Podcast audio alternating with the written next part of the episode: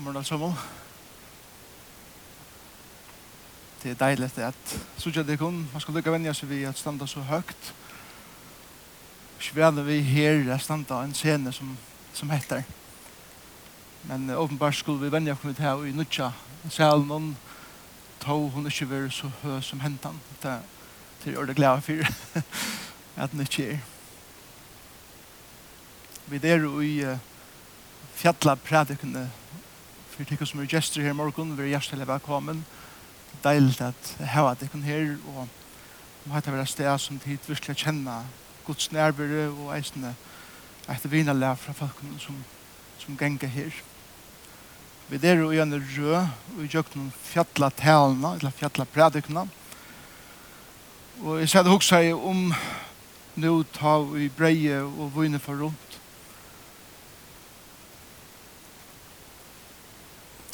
at det er um,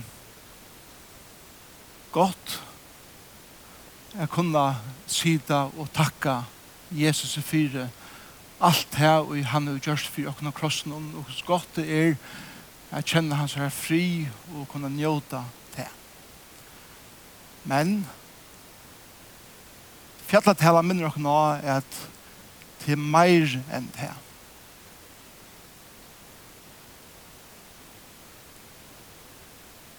Vi lata takka Jesu fyrir at han døye fyrir okkur og så liva som vi vilja.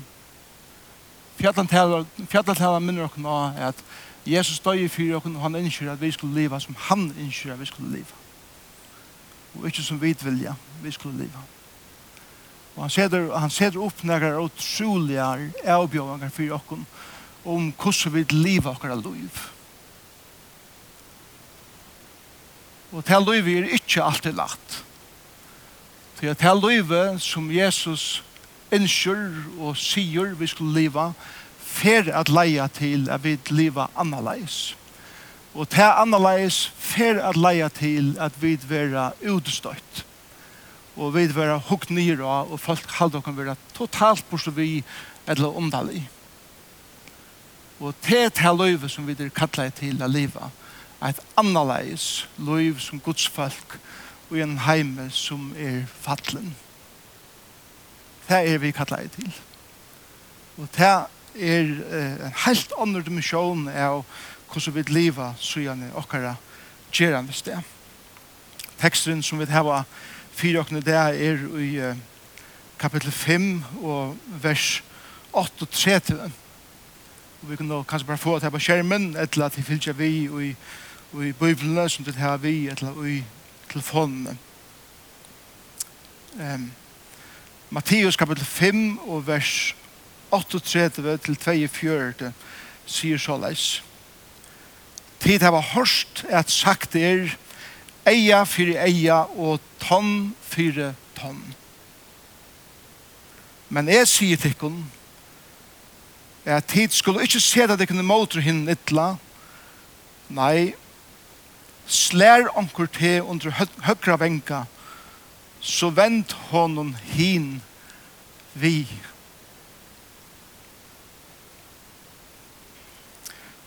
Og nøyer onkur te a genga, eller og vil onkur sæksøkja te og tega kysseltøyn, så lær han få kappan vi.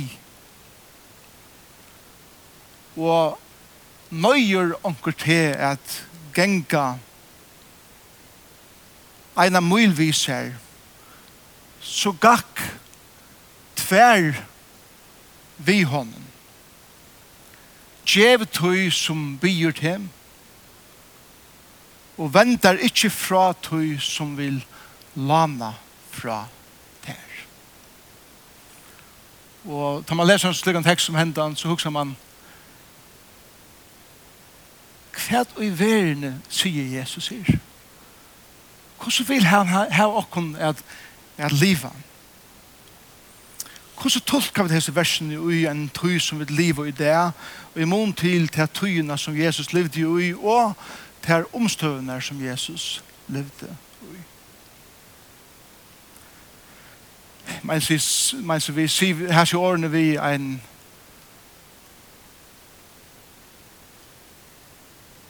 Ja, man vet ikke om man skal si det nå av døven. Men si her så ordner vi en som hever en annan myskan hullit enn okkara som bor i Amerika og i Holtrusjen.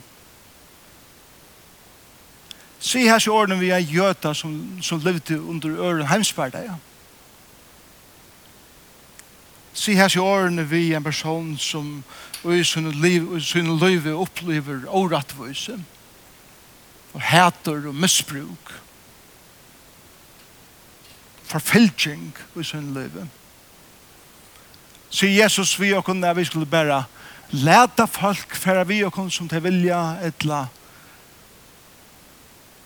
er en tekst en pura bors vi om hvordan vi liva okkar liv. Det er ikke at okkar heime i det, så er heime en fotlere hætre, fotlere åretvise. Og vi føla mengan åretvise inn okkar egna hold. Og lær hesten teksten noen til, vi skal bare gå til det som det er, og så bare offre noen enda mer, og leda andre folk være vi okken som til vilja, utan at vi gjerra nekra motstøve i måte motetøy. Og vi er oppvaksen i, i hesten her at slær onker til under vengan, så skal du leta dem Lad den hinvenka vi. Hvordan gjør vi det? Jeg leser en som heter Eugene Peterson. Det er han som har omsett Bibelen av The Message. Kjente for det. Han døg i fjør halvdelt av hver, som en, som en gammel maver. Og han, han sier i en, en av sånne boken, en, en, en hending i hans løyve som tannar. Han sier så leis at er oppvaksen i en gåvun, tryggvande heime, hver mamma min alltid lærte åkna bia og lærte åkna lese årgods og, og årene som Jesus sier i fjallabrækene lærte mamma meg opp vi at slær onker til under høyre venga så vent honom hin vengan vi. Og hatt jeg praktisera Jesus smadranger lykke inntil jeg kom i framhaldsleilten i skolan og hitte første skola der en drong kom i klassa som er Garrison Jones. Og fra tog første dag sette han egen i meg og byrja jeg at happa meg og brukte kvarja løte som han kunde at gjere meg for se og tega taskene fra meg og blekene til æra dronjer som blekene vujere og ta i kæve vær så, så, så, så kardja meg nye kavan og gav meg karm og alt de tingene som, som, som eh, jeg opplevde i happing fra sin dronjer og jeg har lært fra mamma at jeg skulle vente hin venkan til. og Og han slapp av færre vimmer som han ville. Inntil en dag, og i desember måned. Og kæve vær. Og han og flere drønger koma i til min, og jeg vet hva fyrir henda, og han teker taskene fra meg, og han blæker henne i til en annan drøng, og ut til løtene tar jeg hukse om at jeg eier at venter hivengan til, snappa jeg okkurst i meg. Og jeg leier av han Og til mitt store iverraskelse og hans herre var jeg sterskere enn han. Og jeg slungte han ned i kæven. Og jeg sette meg henne av han, og jeg leie hendene så han under knøyen som er så han ikke kunne gjøre. Og jeg begynte jeg smekka neva ned i, i, i ja, som Sørnukar sier, grånen av han. Og jeg smekka i til henne for et sett, og blåvet det sprant i ur nøsene av honom iver at han kvita kævan, og til reia var vekkurs i kævan, men han satt her og smekka i til han. Og men han satt her og slå han, sier vi han, si at du skal unga det happa med atur. Og Gerson ville ikke si det. Og jeg ble via slå han, og meira blå kom av kævan. Entil knapplega så, så kom den kristna tryggven og i med atur. Og jeg husker hva gjør jeg nå? og jeg ble via slåan. Men nu brøkte jo årene. Og jeg sier via mine slåan, si at du trost at Jesus er din frelser og din herre. Men jeg smekka inn i nøsen av ham, og han vil ikke svære, og jeg sier, si at du trost av Jesus Kristus som din frelser og herre. Og knapplega så sier han det, jeg trykker vi av Jesus som er frelser og herre. Og han sier, Garrison Jones var første personer som er lettet til trygg av Jesus. Er det hatt som Jesus sier og i fjallet predikene? Hva sier Jesus i fjallet predikene? Jeg hadde ikke annars sier at vi skulle bare lete andre når folk færre vi og hvordan det vilja. Det vet jeg vet. Og til jeg sier langt i 8. verset, ta og i han sier dette, at tid av, tid av hørst at det har vært sagt, tann for tann, eller eia for eia og tann for tann vi ørnåren, og Jesus leser vi deisene i fjalletalene. Kom ikke å gjøre enda av lovene, men å fullfylle lovene. Det er også det samme som at det tog ikke på bøyene er stadig galtande. Selv om Jesus hever noen andre ting å si at træd om det. Det er viktig for å kunne vite. Så at hva var enda målet vi lovene? Et av enda målet vi lovene var til er at ui en heime hver ønskaper ræver. Og og i okkara gjørsten. Ta og vi vil oppleve året vi kjøkker løyve, så er det første som naturlig hender er til at vi vil jeg hevne. Loven er givet for at hevnden som er det ho er gjerra vil hilden atter. Loven gjer eie for eie og tann for tann betyr er at ta og to gjerst nek i modren nøren så verer straffen fyrir det som du gjørst, jaun via vid det som du har gjørst. Det er det samme som at straffen passar til brottsversen. Så at hvis jeg hevnten slapper roa, så har jeg straffen vært nekk herrere enn brottsversen er, og det har lagt til anarki. Så Jesus sier at det er et høyer hver straffen, eller brotts skulle straffast, og det skal møtes av samme støye. Vi gjør når han sier Jesus, det betyr ikke at om du er misbrukt som en jenta, så skal du bare lete til å hende. Det skal delas vi om folk gjør sin ate og brottsversk og tøver rander og så videre, så er det ikke bare her å vente hin den gang til og lære som om man ikke er. Det skal eisen vidgjeres fra lovene. Så det er ikke at tøyne vånen som Jesus tås her om her beint. Det er å være galtande alltid. Ok, er det vi? Jesus tar seg en ørne vå her. Her tar seg mer om hva er så okkar attityda til ting som annars hender okkar i gjerande stenen. Det er tingene, det er tre tingene som, som Jesus nevner her. Det er ting som folk av Jesu døven kunne være utsett fire atter og atter ut herra daglige gjerande steg. Det som Jesus sier er etter at loven er tann eia fri eia og tann for tann brøyter ikkje menneska hjärsta. Loven ser det bæra mørsk for hva mennesker kunne gjera motvisk for nøren. Men hjärsta vil råbrøyt. Og hjärsta kan bæra brøytast. Ta i Herren sjolver stepper inn og gjør okna nytt syn på løyve hvordan vi eier at liva okra løyv som etterfylgjerar Jesus er. Det er ikke lov og rattvise som brøyder heimen kærtid. dit. Selv om lov og rattvise er en pastor okra samfunnet og er en tuttning av mykje pastor av okra samfunnet. Det er ikke det som brøyder okra heim. Det er bare det som helder okra heim og i tjekk.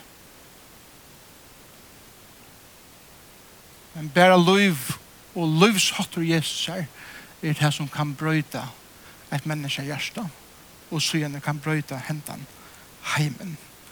Og tog er det Jesus sier at tid har hørst at det har vært sagt eia fri eia og tonn for tonn men jeg sier til henne at det er eisne en annar måte at liva livet på. Det er annar måte at suttja verne på. Så andre måte er at hitje at omheimene på, at, at heimeren som vi hitje etter, er ikke bare åretviser, er ikke bare ønter, er ikke bare fotler hevnd, og er ikke bare uh, jeg skulle livet i øtta fire, for at nå kan hente mer, og hvordan skal jeg være klare å være hjemme. Men vi kunne hitje at heimeren, vi Guds egen og sier at skaperverket er vekkert. Innast inne er menneskene utrolig vekkert. Og jeg skal være en menneske som, på omkring måte i realiteten av livet set jeg nødja standard for hvordan jeg agerer eller reagere til det som hender mer i livet. Jeg vet ikke ofte at jeg tok så om det. Men Jesus var føtter træler. Jesus var føtter træler. Alle jøter var føtter træler. Ikke træler at han hatt at han slav av under enn krummen herra, og tog gjør det til at her våre under en herre herrere hjertenhånd fra romverska valden som rådde fra Rom. Og en jøte kunne ikke leva som han ville totalt fralser og gjøre som han ville i sin egna lande og kjølt i sin egna heime.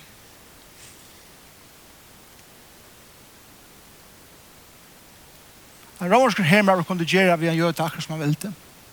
Og han kunne kreve av en jøte akkurat som han ville, og denne jøte kunne gjøre neka at han. Men det som Jesus sier, er at sjølt om vi liva under herradømnen av nøkron som er iver okken, og kan øysa sinna makt iver okken, så er det er sjølver som ser det mørkene fire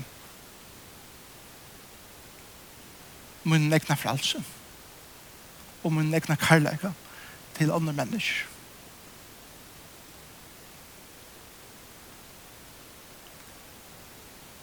Folk kunne tega nekk fra meg, folk kunne gjøre nekk vimme, men bare jeg ser det mørkene fire, hver de slipper er rena av mine sal og mine hjerte. Og det er det som Jesus sier. Sjalt om ting hendet her i løvnen, så pjøs akkurat det tyd ikke være at han er at alt liv er åretvis og alle mennesker er rønt.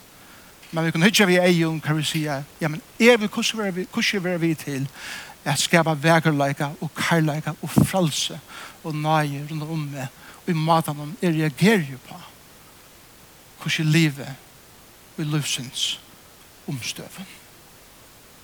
Jesus brente for fralse. Jesus brente for karleika Jesus brente for at livet, og ikke åkna livet, nøye ryk liv. Og tog teker han nekker ekstremer som henta, og som henta gjøten og i gjerande stenen. Slær anker til under venkan, så vent hon hin venkan, vi er det første som Jesus sier. Hva betyr det? Og til Ime som, som kommentarer og bibelærere tolka hattar. Anker sier jo, altså hattar var det som kunne henta en, en jøta Hugsen det kunne at av jólum og i gongegøtene i Jerusalem som forresten var fram vid tempelmuren i Jerusalem. Man kan enda grave ut i det man kan vidja til steg i det her som handlene våre to gonger her vid hun døtter to er ferdig kjøpe jolagaver og knappt kommer en, en romversker hermaver i vår tiltøyen og åttan neka årsøk så smekker han tiltøyen Og døtteren hikker på hvordan for papen nu har reageret i måten hans romver, romverska hermannen. Papen visste at hvis jeg er slaget atter vi ører når han eier for eier og tann for tann to slå med er slaget til atter. Hvis jeg er gjer det, så har romvers romversk hermannen atla rett at jeg har svøret ur sløyren og gjør det enda av mer. Det visste jeg. Og jeg visste han at det er ikke maten jeg reagerer på om min døtter skal ha en pappa på gjerne. Og det. Jeg må velge å reagere annerledes. Og det var ikke endelig til at han som skulle at han tøtja hin tjolkan fram, men det var meira til at, at vise at ja, men jeg, jeg gjør unga most av her bænt. Jeg gjør et her rom og slappe av i trynna aggresjon og meg, utan at det slag til atter til konsekvensen at konsekvenserna tøyver enda verre og enda større. Det visste Jesus at folk ikke visste da jeg sier etter. Hva lærer vi det til? Ja, og forresten, en annen kommentar sier så leis, er at hadde kan eisende tolkast ei sindur eh, annerledes enn hattar. Ja, hattar hendte bokstavlet, og ta vet vi. Josefus så er, er høvendar skriva nekko om hvordan romverser hermen var, og hos det kom, romverser hermen tar kom fra Italien og, og London her og om, for vekkere vær, eller passale til sesongene, da kom han nye og i mye estor her til heit, til torst, til fullt av støve, der er bortsett fra familie og konen og bøttenen, og der er frustreret her, som der genge her og tjena enn grommen herre. Og tar er fotler av reie, og tar er brukt og folk er utøyses, utøyses av reie iver, og jødene opplevde ofte hatt der. Men det kan eisen tolkast at han hatt.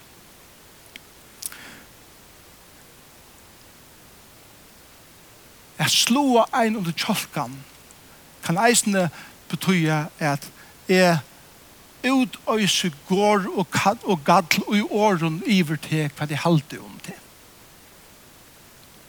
Og reaksjonen som er er og jeg gjevet her rom er gjerra utan at jeg reiser meg opp og forsværer meg selv at som måtte her og gjør der som en skuffe og spytler til ut på samme måte som du har spilt meg ut. Og Jesus sier det kristne livet er ikke at gjøre det.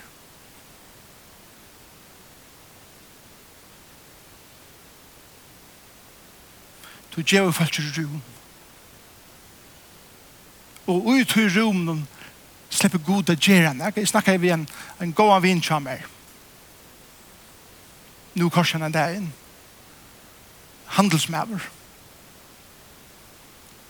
Fortalte jeg om hvordan en kunde kom inn og, og skulle kjøpe et eller annet og eller var det en rockning og rockning ikke virker for forhøv og, og hvis mæveren han, han øste seg opp Og han som var sendt innenfor disken, og hinsen utenfor, og her er omkring andre kunde i, i handelen, og han øser seg opp i den, i den handelsmannen, og han begynner å spytle han ut, og øser ut i han, hvordan han er snøydere, bedrigere, og blir personlig, og spytler han ut, og handelsmannen er sendt innenfor pura roller, utan at si et år at han måter, utan å være seg.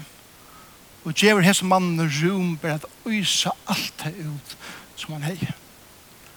Fersen ut av handelen og smekkar horen atter. Og en annar som stod her og vittna i etter, sier, så vi handelsmannen, det skiljer ikke hvordan du klarer at her, så hvis det er så hei, jeg smekker den her fremme. Hesten handelsmannen var viser, og han elskar Jesus, og fylgjes vi honom. og Han visste at det var ikke maten å reagere, maten å reagere var at løyve som mannen og nesten be av i det som han heier. Så det var sterskere nok, det var falsk nok, det var fotel nok av karlæka at tåle det. Men så så det som hender i en slugare reaksjon i motorvreie er til at når jeg får det at han kommer som er en aftren i handelen. Men tar ikke bare til å bli omskilta, men man røyner å ta seg og, og begynner å kjøpe noen ting. Og, og det er hesten med en fastor kunde i hesten handelen og kjøper alt ødelsen ting herfra. Og et forhold mittel hente handelsmann og hente personen er byrja hva det nå tar som sin bøden sammen og hvordan det annars heva det i løyven hatt det som Jesus tar seg om i fjallet til. Til å gjøre folk i rom, utan at jeg skal hevne meg atter, eller at gjøre jeg som med skuffe. Til at Herren skal syrja fire, at når jeg henter ut i rommen som brøyder menneska hjärsta. Det er det som Jesus sier her på. Så tar han anna, et annet døme. Vi langer tega kysteltøyen, så let han få kappan vi. Og så der tog gånger en tur som vi kom eh, en vedre kvöld i desember måned og en romersk hemmer og kommer ut til den og sier Kjemer kappan tjader.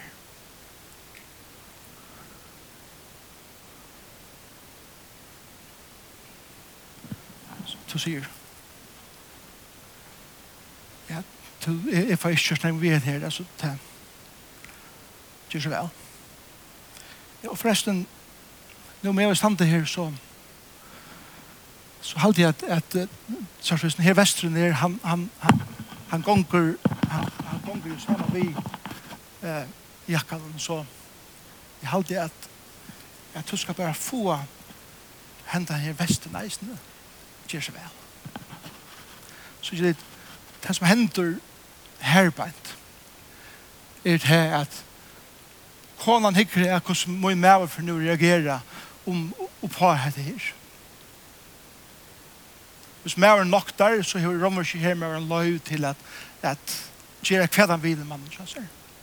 Men med sier er for å bruke hevesjukene og, og øyene som hesten her med hever inn og hva det så er, men det ganger til med på nå. han krever noe fra meg, men jeg får bruke hans her hevesjuk og hans her øye til å måle kanskje mer, til å vise honom enda mer gav. Er det vi? Ta i andre krevje noe av åkken, så bruker jeg det høve til at sige, ja, men tunne krev for ikke det er man skal med til å gjøre det enda mer.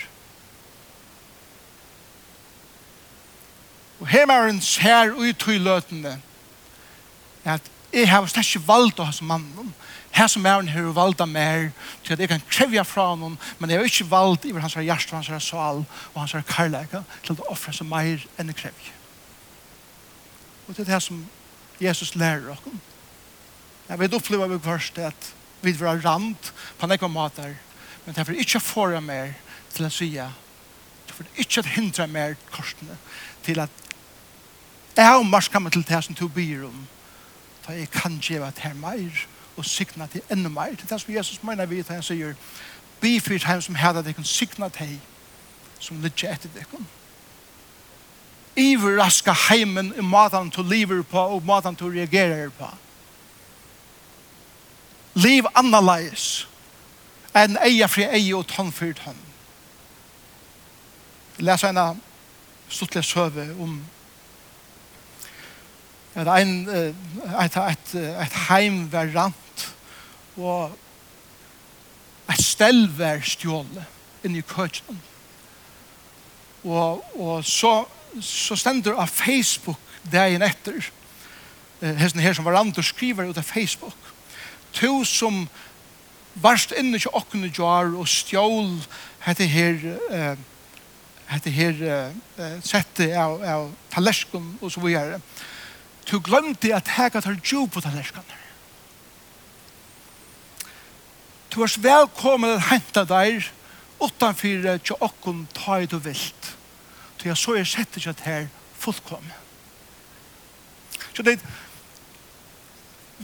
Sjåan er det oppheilt av rantor og alt det, men at tytan kjamer kan være Jeg sier, jeg ble rantor, heimen er rævlig, alt folk er idioter, alt er fruktelig, liv er bare mist og rævlig, og at det tyder seg mer til, til liv i bliver, at heimen er rævlig at liv i. For Jesus sier, passa til henne velja, for du hikker er at heimen er mye neier, så er heimen reisen fotler av karlæka, fotler av nøye, fotler av vekerleika, kvarja suje vele to at hitja, vi kvarja egen hikke to etter heimen, og som en fylgjare av Jesus, som veit at ein det skal alt være godt, liv i er livet såleis, at de øyset her goa og ta vekra og nøye og karlaga inn i livet og mine omstøver, sjalt om jeg opplever åratvise og i mine livet. Vi er kattleie at liva annerledes, Vi kallar jeg spreia nøye og karlæga og fria som vil komme, og ikke fettla i fettlene. Jeg sutja egene, eller sutja jøkken egene i en heim som er bæra myrskur og ljótur.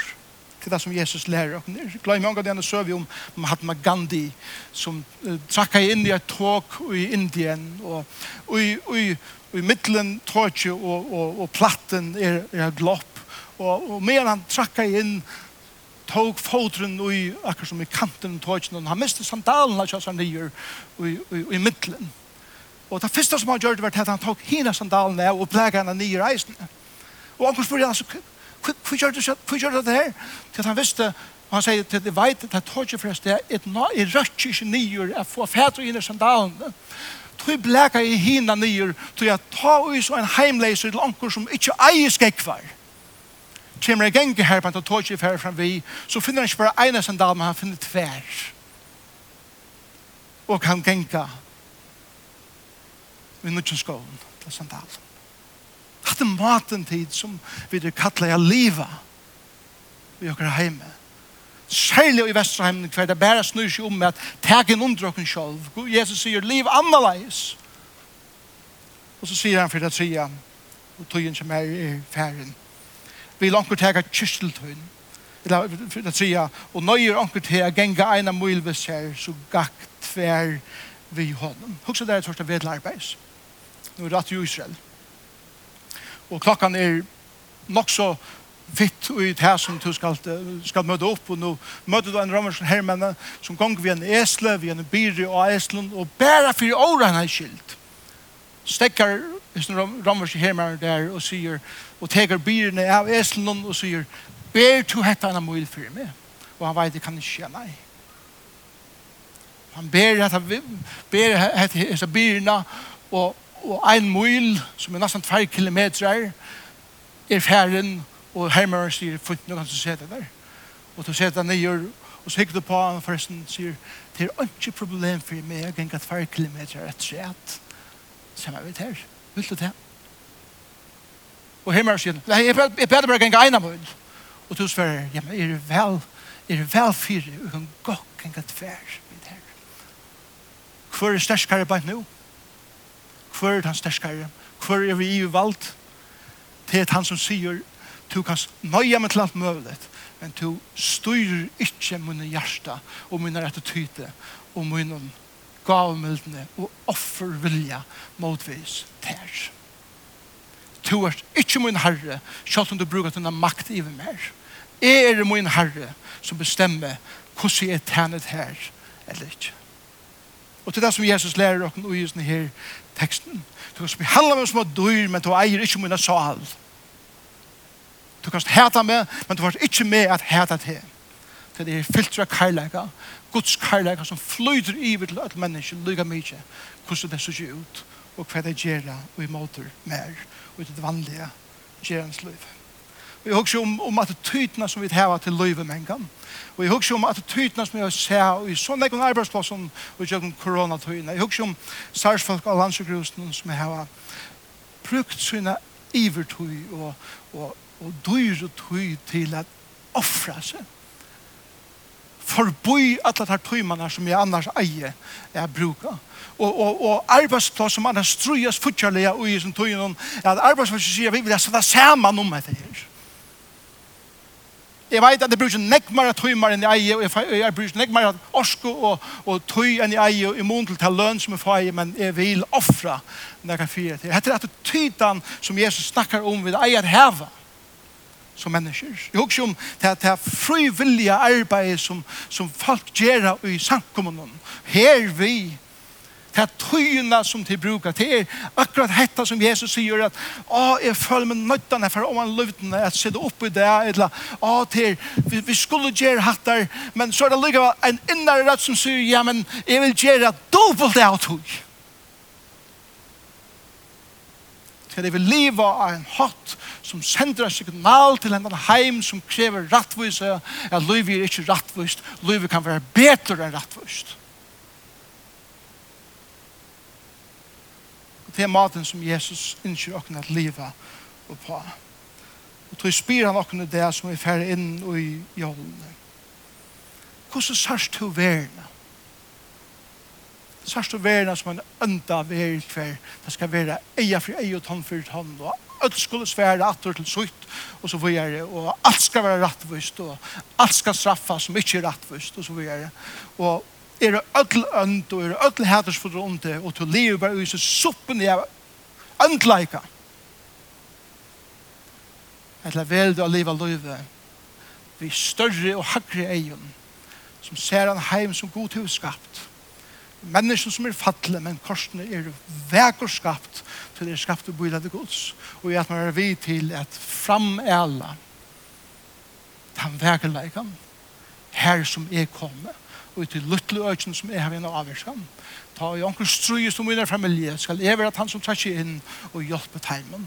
Ta i onker strøyes om min arbeidsplass og manglar hjelp, så skal jeg ikke bare halde atter og sige, jeg vil arbeide mine fjøre tøymer, og jeg arbeider ikke en løyde til at, men heller sige, sjåvande vil jeg offre meg, jeg synes meg. Er så en person som gjør øren rom, som, som er frustreret i, å ta gonger til det, og du sier, jeg vil ikke slå av til at det fyrer til at du frustrerer enn et, et eller annet løyven. Jeg har karlægget til tøy, og god kan gjøre meg ut til løyven vi er kattlet til et annet leis liv. To veis hvordan det ser ut i tunn liv, og veis hvordan det ser ut i munnen. Menga strøyes det, menga fettlige i hæsson, men hatta er det her livet som Kristus har kalla okkom til. Som ein høvende sier, at fyrirgjøva heldur enn er fordøma. At njóta livet heldur enn er spittla det bostur og ånøgt semi om omstøvnar. At hava dirve heldur enn at øttast at elska ånder heldre enn elska seg sjolvan, at oppbygge heldre enn å nyrgjere, at oppmuntra heldre enn å finnes et, at teka, at teka heldre enn en at tærna heldre enn att krevja, att djeva heldre enn att gramsa, att sikna heldre enn att banna, att gleast heldre enn att grenja, og at liva fyrir god heldre enn att liva fyrir med sjolvan. Og Jesus sier, gott at jeg takka mer for det versk som jeg har gjørst av Golgata for tikkun og den frie som det gjør tikkun men jeg vil eisende at jeg livet til livet som jeg levde og gjør tikkun bo om et livet som er totalt annerledes enn hesen heimeren liver det er det som det betyr jeg vi være en etterfølger Jesus er. Slå bia sammen Jesus, takk for at vi kunne sitte her og njóta til at du gavst ut lov for jokken. Men du har givet oss veldig her avbjørnger til året at livet til livet som du levde. Og derfor leia til utspittling, og folk kallar dere være underlig, det er for å flenne av dere, det er for å spotte dere, det er for at, at gjør seg inn av dere til mitt liv annerledes. Men vi er kallet til det. Og komme det som kommer vil, vid innskje at liva okkar liv, som to levde, og djeva okkar styrke, og i hele andanen, til å liva slik liv, i Jesus navn.